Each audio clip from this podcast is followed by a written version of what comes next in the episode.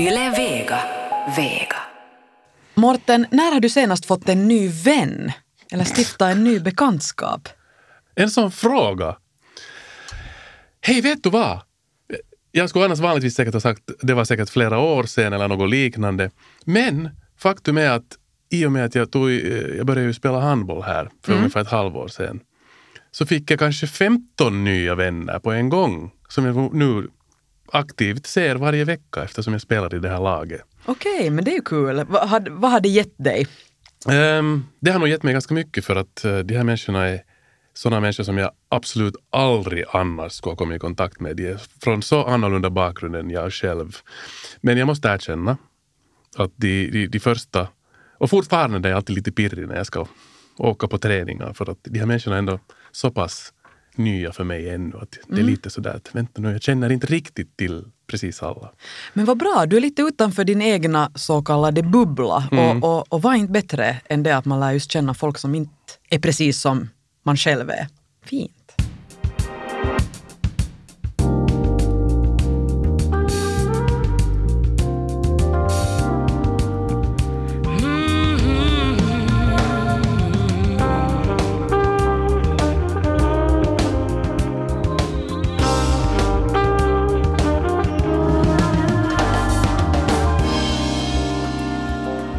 Idag ska vi faktiskt tala om att stifta nya bekantskaper, bli mera social och öppen för andra människor. Veckans gäst idag är Jerry Lindqvist. Han är musiker och countryartist och lär innerst inne vara ganska introvert påstår han själv och säger. Och han har nu utmanat sig att släppa in nya kontakter i sitt liv och kanske sätta sig, mm. eller stiga ut ur sin egen bekvämlighetszon. Och som inspiratör och handledare har Jerry haft konstnären och eh, aktivisten Lina Teir som vi ska få träffa lite senare. Lina ordnar bland annat just olika evenemang där hon önskar att vi skulle bli mera vi skulle bli modigare och aktiv, aktivare på att umgås med, med helt nya människor. Vi ska alldeles strax bjuda in Jerry Lindqvist här i studion, men före det så ska vi ta och lyssna på eh, ett ljudklipp då han besökte oss på Efter 9 TV för ungefär fyra år sedan. Miss Golightly, I need you now. Won't you sweep in through my window and lay yourself down? Pour yourself a drink, maybe stay for a while. Oh darling, go lightly Won't you come around Med dessa sköna toner önskar vi veckans gäst välkommen, Jerry Lindqvist. Tusen tack. Kul att ha dig här. Det är kul att vara här. Och du blev alltså då utmanad i att bli mera social. Det är ett ganska så vitt begrepp, men vill du själv berätta med egna ord lite om din utmaning? Ja, ja det var något intressant kom med i den här utmaningen och att, att jag tackar ja till den också. För jag är ju nog ganska, ganska inbunden och, och kanske tystlåten också. Så det är helt perfekt gäst för radio som, mm. man, som man är. Men, äh, men ja, det var, det var spännande att, att försöka sätta sig in i nya, nya sociala sammanhang som man inte vanligtvis skulle göra. Vi förstod lite att, att du kanske är, är lite introvert också, stämmer det? Jag tänker mer att man är kanske typisk finländsk man. man. Inte, inte alltid så lätt med det här small talk. Mm. No, du har utmanat dig själv då i att, att sätta dig i, i nya sociala sammanhang. Och före vi går vidare på, på det här spåret ska vi ta och lyssna på ett dagboksklipp som du har gjort här under veckan för att få höra hur det gick till när du just gjorde någonting som du aldrig gjort förut.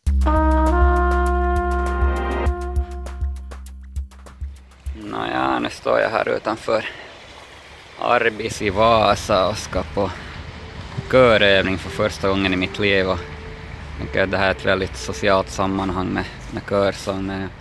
Så jag är väl, väldigt, väldigt nervöst just nu och, och obekväm känsla. Får, får se hur det, hur det går.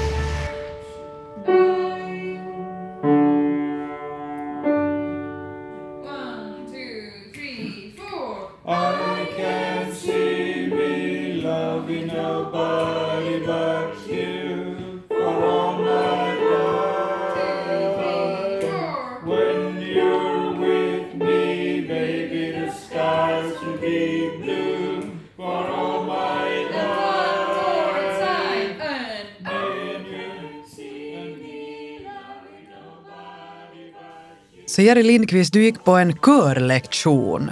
Vad var det som kändes extra spännande och skrämmande med det? Hela det här körväsendet, skulle jag säga, att, att vad jag förstått att det är ju den här gemenskapen som är väldigt, väldigt viktig med körer, speciellt den här kören Bigger Heart, som var så vänliga och tog, tog emot mig, att jag fick, fick komma på en av deras övningar. Uh, men det, det är som, fast man håller på själv med musik, så det, det är ett annat på något sätt förhållande ändå till hur Man bryter ner en låt och fokuserar på stämmor och sånt där. Och att, att att själv tycker jag om att sitta för mig själv med gitarren där hemma och skriva, skriva låtar. Och klart att uppträda också, men att inte på... Det är mer det där, jag har själv det där behovet att, att, att skapa. Det är, inte, det är, inte, det där sociala som är det viktigaste. Mm. Men då när du gick dit, blev du på något sätt presenterad eller presenterade du dig själv? Måste äh, du umgås och prata med de jo, här människorna? Jo, det var ju nog väldigt socialt. Jag presenterade nog mig själv när jag kom dit och funderade vad det här för konstigt typ som kommer. Men, äh, men jag förstod också att det, det är en sån där kör också som har ganska många, många nya medlemmar hela tiden, att det, det byts om också. Mm. Mm. No, hur kändes det? Ja. Det kändes riktigt, riktigt bra nog, ska jag säga.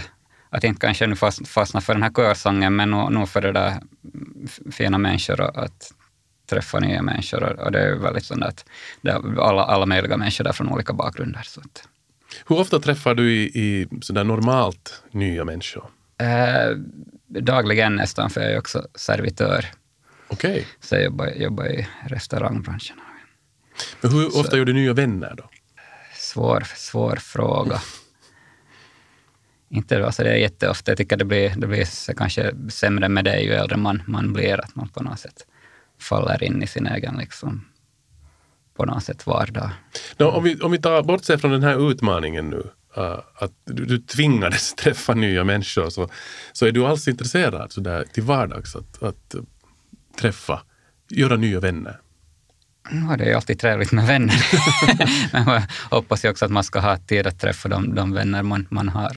Du har haft som inspiratör och coach kan man väl säga, Lina ja. Teir som alldeles strax kommer in här också för att diskutera vidare. Så gav hon, var det hon som gav åt dig de här utmaningarna att, att gå på kör och dans? Hon tipsade om den här kören, vilket jag är tacksam för. Och, och sen hittade jag då själv på att jag ska också få på den här boogie woogie mm. workshop, dan, dans, dansgrejen. Men ni har ju annars också varit lite i kontakt? Ja, vi har varit bolla, bolla idéer fram och tillbaka och vissa, vissa grejer har jag försökt mig på att jag egentligen varje dag den här veckan också har haft det i bakhuvudet. Liksom, nu ska jag göra det här eller tänk, tänka på det där. Att... Berätta lite om de här, de här tipsen helt konkret, vad, vad, vad hon gav åt dig och som du sen applicerar i ditt liv. Äh, no, en, en, grej var den här med, hon berättade om att jag kunde i, i mat, matbutik börja försöka med någon small talk med andra, andra kunder där. Och det här... Eh, det kan inte vara det världens lättaste. Nej, nej, nej det, var, det var nog svårt. Jag försökte lite men äldre, äldre damen hon började sen prata med den där butiksbiträdet där istället. Hur, hur, hur reagerar folk när du tog kontakt? allmänt? Hos Frissan var jag också. Det började först när jag pratade med andra kunder där när man väntade på sin tur. Att det, var, det, det, det var en engelsman som satt där och väntade på, på sin klippning och, och, och då kommenterade han, jag en Batman-väska, så började vi prata om Okej, okay. så det var han som började? Det var han som började faktiskt, men så fortsatte jag sen. Då. Okay. Mm. Har de här nya kontakterna gett dig några nya insikter eller, eller har det fötts något nytt via dem? Kanske bara liksom i ditt egna huvud? Nu är det så att man gärna vill bli bättre på, på det här uh, small talk i alla fall. Att i, i vissa situationer kan det vara väldigt så att man bara blir, blir obekväm ibland. Speciellt om man är med amerikaner eller svenskar eller någonting som är ännu mer over, the top. Så. Mm. För jag blir alltid så lycklig när man, när man börjar en diskussion med en, en, en ny människa, en, en okänd människa på gatan. För den kan leda vart som helst. Och det är på något sätt som om man skulle vara på någon slags skattjakt eller så här att, att, att någon berättar om någonting som du aldrig har hört om tidigare eller vidgar dina vyer eller, eller öppnar nya världar. Och det, det är på något sätt sånt som är så oväntat och som du själv inte kan kontrollera. På det sättet upplever det jätte, jätte, jättegivande. Om vi vänder på steken, nu var ju din uppgift det att du skulle vara aktiv och ta kontakt med andra. Mm. Hur reagerar du när andra tar kontakt med dig? det, det är bara trevligt, det väl antar, antar jag. Men ja. Mm. Mm. Jerry Lindqvist alltså som är gäst den här gången. Eh, sångare, eh, musiker, countryartist som antog den här utmaningen att eh, öppna upp för nya sociala kontakter. Och vi ska be in nu den person som har liksom lite coachat dig, varit din inspiratör. Hon är konstnär och aktivist och jobbar mycket med just de här frågorna. Vi ska be in Lina Teir. Hjärtligt välkommen med Lina Teir. Tack ska du ha. Före vi går närmare in på, på Jerry och hans utmaning så du är alltså konstnär och aktivist. Eller? Ja, jag brukar beskrivas på lite olika sätt. Men hur ska du själv beskriva dig då? ja, no, jag, är, jag är konstnär och lärare och sen har jag väl blivit aktivist de senaste åren också. Men jag skulle säga mest att jag, jag lever ut mig själv och så försöker jag leva i linje med det jag tycker är viktigt. Och så gör jag det både förbetalt och inte betalt. Okej. Okay. Men du, du sysslar bland annat med sån här, det, det som kallas för storytelling. Mm. Eh, vad går det ut på? Det är, det är en av våra äldsta konstformer, konsten att berätta en historia. Mm. Så det, det, är muntligt berättande och Eh, det är någonting som jag tyckte var väldigt spännande när jag studerade i Oslo för ungefär tio år sedan, eller faktiskt exakt tio år sedan. Och sen har det tagit lite tid kanske före det har vaknat eller före det har liksom på det sättet kommit till svensk Finland åtminstone. Men nu verkar det vara väldigt efterfrågat. Och jag har blivit igen påmind om kraften i det. Alltså både i det rent liksom konstnärliga i det och sen just det som det kan göra är att vi till exempel kan bonda sådär supersnabbt utan att vi riktigt behöver anstränga oss. Du drar också kurser i det här? Så. Ja, jag gör det. Just nu så jobbar jag på Lilla Teatern här i Helsingfors och Igår var jag till exempel till Töle gymnasium och hade workshop där med två olika, igår och idag, två olika gymnasieklasser. Sen har vi en grupp som är på svenska och engelska. Det är ingen integrationskurs utan den bara är på svenska och engelska vilket gör att lite andra människor kan komma än vad som annars skulle komma. Mm. Och sen ännu så utbildar jag också skådespelare i berättarkonst. Så det är ganska mycket berättarkonst, storytelling just nu. Men hur kommer det sig att du, du har har blivit så, vad ska man nu säga, intresserad och engagerad i att folk ska träffas, nya bekantskaper ska, mm. ska komma samman och så vidare. Det här ja, är någonting som du brinner för? Ja, men jag har ju ett generellt intresse för människor. Jag tycker om när många, jag, jag, nju, jag njuter av det. Jag njuter av att ha en, en stor fest med alla möjliga människor. Och eh, Sen tror jag också att det har att göra med mina egna erfarenheter av att ha varit mobbad under skoltiden. Det vill säga att jag vet hur det känns när man inte är inne i de här cirklarna. Och också hur det känns när man kanske inte är direkt mobbad men man, är, man bara hör inte till de där liksom sammanhangen som är färdiga. Jag har också flyttat på mig ganska mycket så jag har också upplevt det där att vara liksom, till exempel i Oslo, då helt ny i stan. Och då tror jag att man får ett värdefullt perspektiv. Och sen eftersom jag då också är verbal och tycker om att prata, tycker om att berätta, liksom har ett sånt här, vad nu ska säga, genuint intresse för det. Så märker jag att i just berättarkonsten och storytelling så har ju allt det här mm. kommit ihop. Liksom. Mm. Men du, har fått, du har suttit och lyssnat på vår diskussion här tillsammans med Jerry. Uh, hur, uh, vad väckte det för tankar när du hörde om den här utmaningen? Att, att Jerry vill bli mera social mm. så att säga. Alltså jag är jättefascinerad av hela det här temat på något sätt. Och för mig så handlar det ju både då kanske om vad man är för en person och vad man vill och så vidare. Alltså man, man måste ju inte heller liksom bara för sakens skull ta kontakt med massa människor. Men sen finns det också en samhällelig dimension i det här. Det finns någonting med vår kultur som vi också behöver våga titta på, som jag inte tror är så bra. Och som jag inte tror att... Jag menar, vi, vi, vi har ändå en massa ensamhet i vårt samhälle. Vi har mycket psykiska sjukdomar, vi har alkoholism och vi har flera sjukdomar som forskning har visat att det som ligger bakom dem egentligen är ensamhet. Mm. Så att det handlar liksom inte bara om, om Jerry och hans försök att prata om bananer liksom i, mm. i, i, fruktdisken. Utan jag är intresserad av hela bilden på något sätt. Uh, så att det andra jag tänker är väl det att som sagt, det är inget måste att göra någonting. Men för mig så handlar ändå livet om att utvecklas. Och det som är utanför trygghetszonen så är ju skrämmande, obekvämt, hjärtat börjar dunka, man vill helst fara tillbaka in i liksom, där, där man kom ifrån. Men sen när man har varit där ute lite så då är ju den där trygghetszonen större. Alltså man har ett större livsutrymme själv att mm. röra sig på. Mm. Så det man gör, jag tror jag använde den bilden någon gång när jag pratade med någon, att jag liksom, man skottar snö. Man skottar bort den där snön så blir det ett större utrymme för en själv att vara på där det känns bekvämt. med fler människor. Så att på det sättet är det också för ens egen skull. Och därför när jag jobbar med, med storytelling och har workshops så börjar vi alltid från väldigt, väldigt små steg när det kommer till att bara visa sig för någon annan människa. Alltså att nu står vi i en ring här och nu ska alla i ringen titta på mig. Då redan är du lite på en scen. Då redan kan hjärtat börja dunka lite. Och sen bara små, små steg som gör att du aldrig liksom knuffas ut i någonting som känns jätteobehagligt. Det ska inte någon behöva göra. Mm. Så att eh, Trots att, att Jerry sa igår här, Jag gjorde ju det, ja. Ja, vill man själv göra det så är det helt okej. liksom. Men att det är inte så att du borde det här och det här och liksom, ja, på det sättet. Men det, jag tycker det är, ju, det är ju fantastiskt modigt att göra det. Men jag tycker väl om att göra det svårt för mig själv på olika sätt och vis. Och sen, alltså, nu gjorde jag ju mindre grejer där också. Det var vi hade här i, i veckan fick vi strömavbrott där hemma. Jag höll på att laga makaronilåda, tvätta kläder och mitt i allt for strömmen. Och vanligtvis är det bara att man lyfter på en sån där spake där inne i lägenheten, men det, det var inte alls där. Felet var, försökte jag gå ut och se på en sån där e-, elbox och jag förstod inte vad det var. Oftast är det min fru Malin som tar tag i sådana situationer och, och, och ringer runt och kollar med grannarna.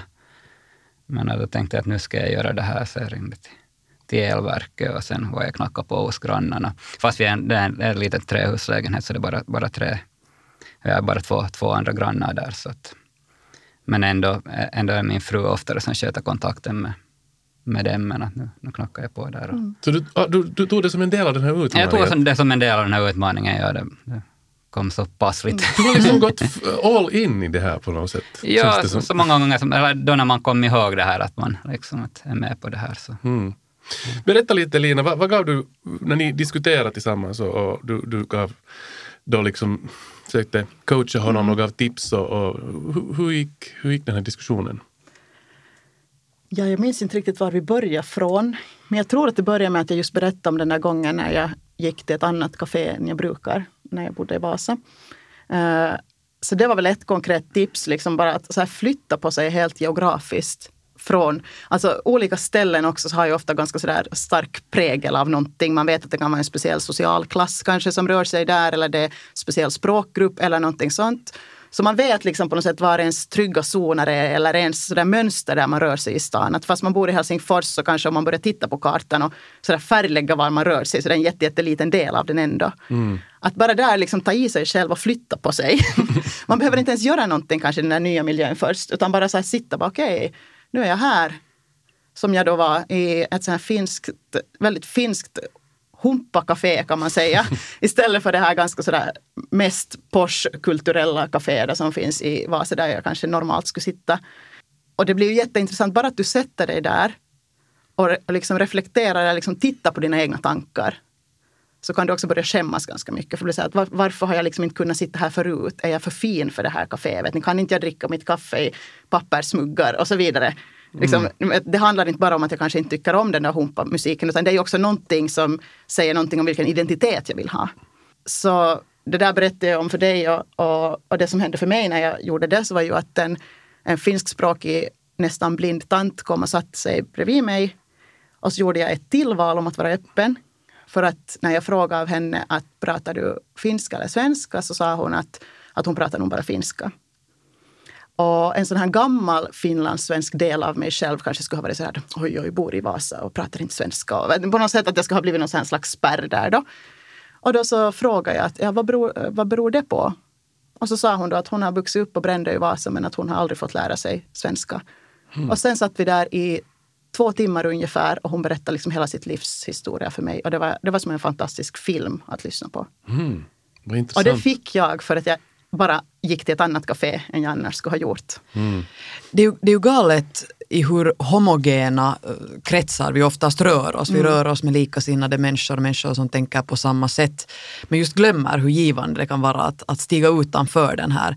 Och det som jag tänkte Lina, som du sa tidigare, var den här samhälleliga aspekten. Att det handlar ju inte så jättemycket bara om oss själva och vad man, man själv får ut av det, utan man har kanske lite nog ett samhälleligt ansvar i och med den här ensamheten och, och psykiska ohälsan som finns. Att ta i beaktande folk.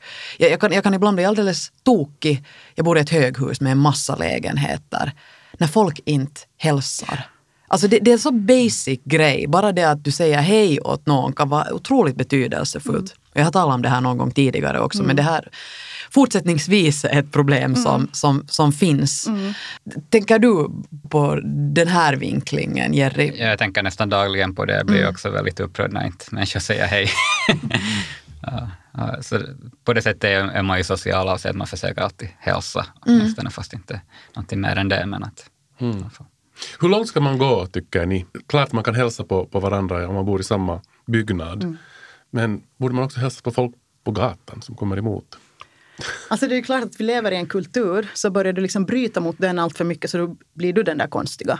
Ja. liksom, du, att var, varför säger du hej, vi känner inte varandra. Medan det skulle vara helt normalt i någon annan kultur. Men jag, tänker, alltså jag, jag, vill, jag vill förändra den här kulturen. Den är inte bra för oss. Det finns mycket i vår kultur som är bra, men det här är inte bra för oss. Det som inte heller är bra är att vi har en kultur där vi ofta håller, ner våra, håller tillbaka våra känslor. Och vi vet också att vi har liksom trauman i generationer av det som det här landet har gått igenom och så vidare. Så att jag tycker nog att vi måste ha ett lite aktivare steg än vad som skulle kanske vara det där som bara är att okej, okay, men jag börjar hälsa på mina grannar. Och sen när det liksom till slut blir sådana extrema uttryck för ensamhet och den smärta som det ligger i att inte bli sedd till exempel. Så då tycker vi att det är en tragedi. Men allt det börjar ju liksom från någonting litet egentligen. Och, och jag tycker nog att vi har ett ansvar att ta hand om varandra. Det finns en dokumentär som heter The Swedish Theory of Love som handlar om, eller som frågar att är det, kan det vara så att det här välfärdssystemet vi har skapat samtidigt gör att vi liksom lite har delegerat bort det här att ta hand om varandra. Alltså om jag kommer och säger att det känns så jobbigt idag liksom, och sådär. Så kanske jag eh, får till svar att ja, men, eh, har, har, du bokat tid till en psykolog? Eller vet du att du kan söka, från det här, liksom, söka det här från FBA? Medan det man kanske bara skulle behöva är liksom att en kram eller ah, ja, lyssna tio minuter och sen går man vidare. Att det där tycker jag också är lite konstigt och, och därför så blir det, så blir det, det blir liksom en win-win. Du själv får ut mycket av det och den andra får också det. Mm. Du nämnde här att bli sedd. Och då måste jag bara ta upp det här. Du var ju också mycket engagerad i den här eh, flyktingfrågan för några år sedan och startade den här kampanjen We see you. Ja. Va, hur, hur kommer det sig att du, du, du började med det här och vad var det du, vad ville du liksom få igång? Det började ju med att jag, att jag började ställa mig några frågor när många flyktingar kom på en gång kring mitt eget liv. För att jag, är en sån, jag har varit åtminstone en sån här typisk person som har alla de korrekta värderingarna på något sätt och pratar om det och så vidare. Men sen när jag verkligen började tänka på mig själv, med att vad gör jag? Så märkte jag att det var inte lika mycket det. Uh, och sen var jag inspirerad av min mamma som har varit väldigt aktiv i att ta kontakt med till exempel flyktingar. Och på det sättet så blev jag då bekant med dem. Och det gjorde ju förstås att sen när jag och många andra som stod nära de här flyktingarna såg vad som hände i asylpolitiken och att de inte längre hade samma rätt att försvara sig till exempel juridiskt. Och vi har ju sett följden av det nu. Så då kände jag att ja, jag, jag skulle inte kunna leva vidare med mig själv då, om inte jag skulle försöka göra någonting. Och då försökte vi göra någonting och det var inte att vi ska starta en stor kampanj. Vi, vi tänkte bara vi, vi försöker någonting. Och sen växte det och blev stort. Så att den heter We See You och det handlar om att se de asylsökande och se politikerna. Men som ni kanske märker när jag pratar så är det här ett genomgående tema för allt jag gör egentligen. Mm. Mm. Att det handlar om att se varandra. Och det är också det vi gör när vi börjar en storytelling workshop. Vi börjar med att se varandra. Och kanske att se varandra som de här, alltså som inte juristen och städaren och den finskspråkige och den persiskspråkige och det här, utan helt andra saker. Så att allt det här hänger nog ihop. Och det kanske blir ju mest akut då när det är människor som är så tydligt nöd som traumatiserade flyktingar som, som inte får den rätt som de skulle ha rätt till. Men det gäller ju för alla oss hela tiden. Mm. Det kan precis lika mycket gälla någon som just nu sitter i någon etta i någon förort och är långtidsarbetslös och inte orkar. Mm.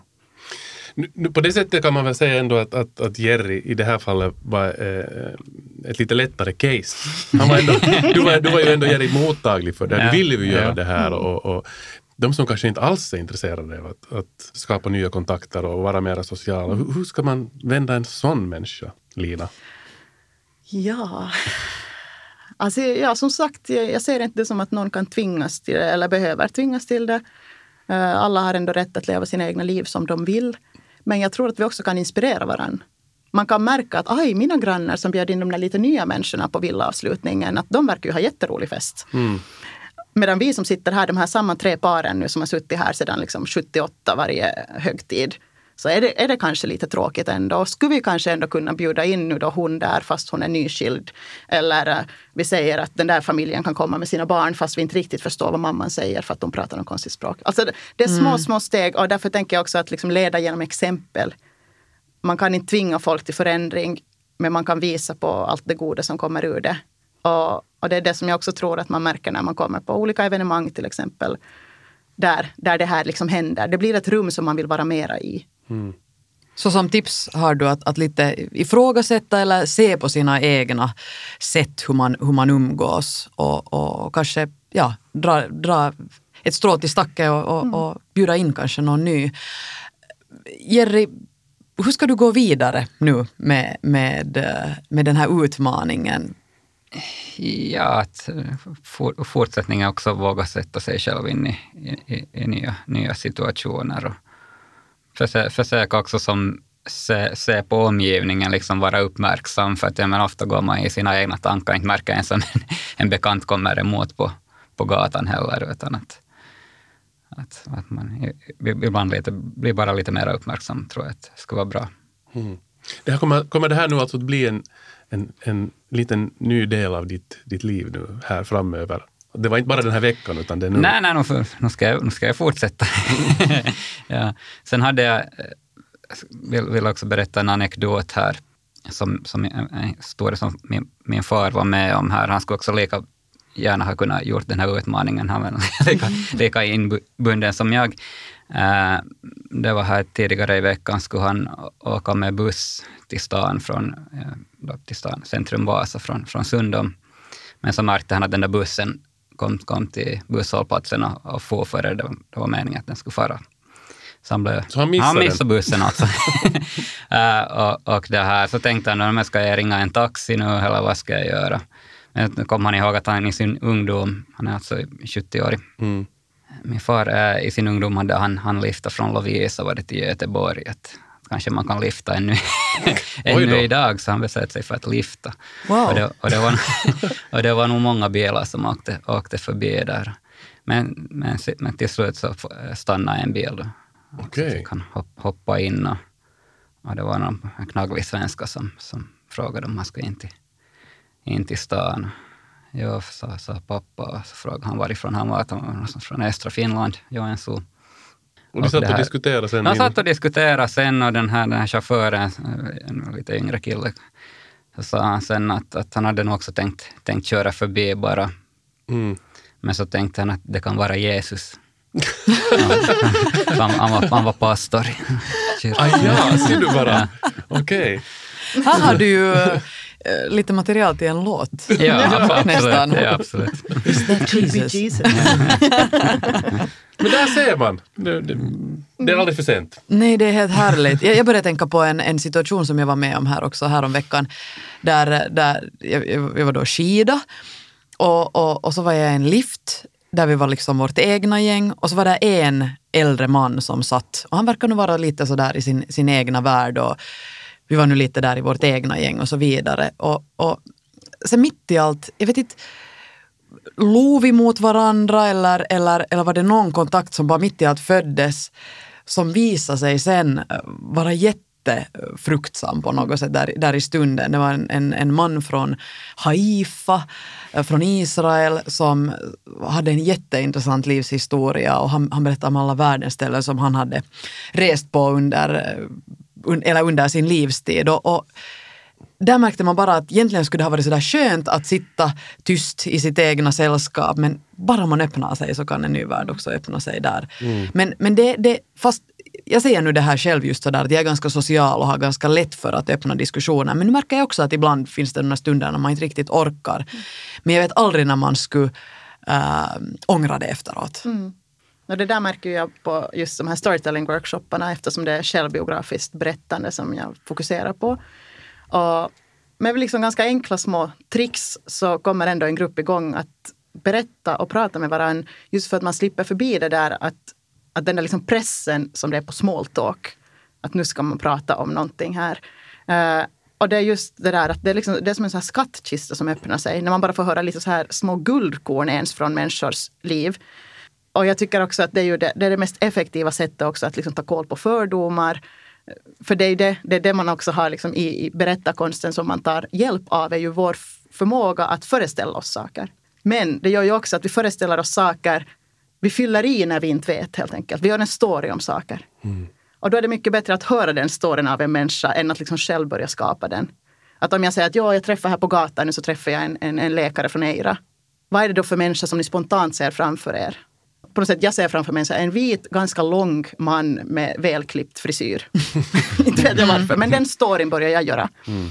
Så att, att, just det där att sen att få höra de där storiesarna på, liksom från den personen det gäller, så det påminner oss också om det här som jag tror är också en myt, att att det finns människor som vi har en massa gemensamt med och så finns det människor vi inte har en massa gemensamt med.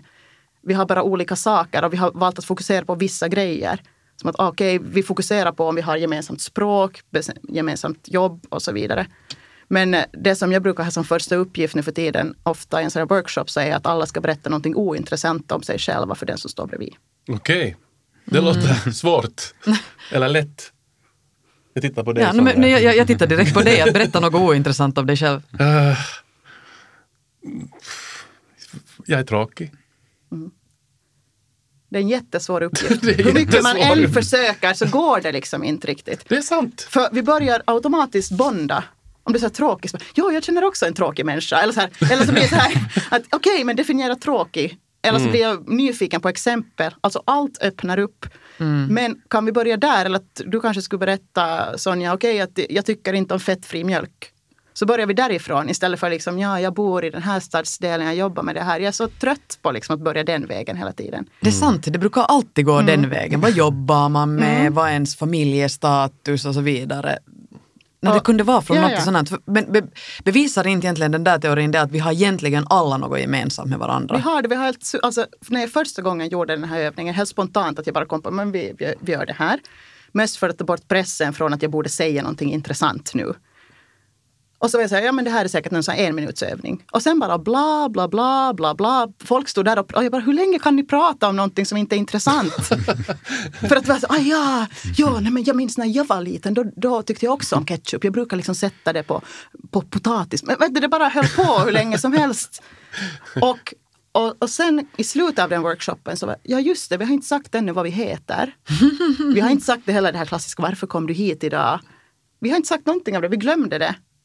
Men det är liksom en varm stämning, människors ansikten har liksom lyser. Alla säger att de vill komma tillbaka. Ingen säger att det här räcker för mig när jag går tillbaka in i min liksom comfort zone. För att den där trygghetszonen är plötsligt mycket större. Så att det där tycker jag det där är verkligen fascinerande med berättande. Om du liksom gör det rätt väg så kan du komma förbi allt det där. Mm. Mm. Jag menar, du har nu då handbollen gemensamt med dem. Men du skulle säkert kunna hitta då mjölkfavorit gemensamt med någon annan grupp. Du, ja, vad som ja, helst förstår, liksom. Ja. Mm. Det är mm. jätteinspirerande. Alltså på något sätt jag blev helt nu och började fundera på det här, just det här med ointressant. Det är ju, jag hoppas det inspirerar folk där som lyssnar på det här också. Att, att jag tror att många börjar direkt fundera på någonting ointressant om ja. sig själv. Ja. men vad är egentligen ointressant? Ja, det finns det något ointressant? Det. Mm. Mm. Nej. Men jag tycker det här med storytelling-workshopen och, och kursen lät jätteintressant. Är det här så också någonting som vem som helst kan komma på nu ifall någon blir så här tänd? Ja, alltså här på, på Lilla Teatern så har vi nu nästa gång så blir måndagen den 11 mars mellan klockan sex och åtta så har vi en helt gratis workshop som man kan komma med på. Och fokus är alltså inte att lära känna andra människor, det är en biprodukt. Och där är lite samma då kanske som jag gav som tips också till Jerry, liksom att utgå från någonting du färdigt tycker är roligt. Inte sådär att nu ska jag gå och göra min plikt här att lära känna en annan människa. Utan gör någonting du tycker är roligt, dela det med andra människor. Och just om man sysslar med berättande så kommer det som biprodukt att plötsligt så har du nya vänner. Igår mm. på Töle gymnasium när vi avslutade så var det en elev som sa när vi hade en runda där man fick säga någonting om idag om man ville. Att, uh, att det var roligt att, att, att nu, nu känner jag också någon från ettan. Och jag var sådär, känner? En timme har vi hållit på med det här. Och du upplever nu att du känner de här från ettan. Mm. så det ska inte liksom så mycket till. Och, det ska inte så mycket till. Och storytelling är nog väldigt effektivt där. Sen vill jag också tipsa om att om man inte känner sig redo att själv komma på en workshop så kan man också komma på vår föreställning som heter Rakt ur livet som kommer den 22 mars. Och då är det flera av de här människorna som har varit modiga och stigit in i det här som dessutom kommer att stå på scenen och berätta om sig själva. Okej. Tack för det. Och stort tack Lina till dig för att du var inspiratör åt Jerry. Och, och jag hoppas att din, din, både Jerry och, och, och Lina, att, att det, det vad ni har berättat här nu har inspirerat många där ute också som lyssnar. Mm. Ja, hur känns det nu Jerry? Det, det känns nog helt okej. jo, det är bra. Om Jerry kan så kan alla andra också, eller va? Och om jag kan. Nå, om du kan, så då kan nog vem som helst. Nå, nej, nu bråkar jag med dig. Utan... tack Jerry Lind- Lindqvist för att du, du äh, antog den här utmaningen och, och vad heter det? Och hoppas allt går bra när du går vidare nu med de här tankarna. Ja, jag ska kämpa vidare. Tack för att jag fick vara med. Ja, det är efter nio för den här gången och vi är tillbaka igen nästa gång med nya gäster och nya utmaningar.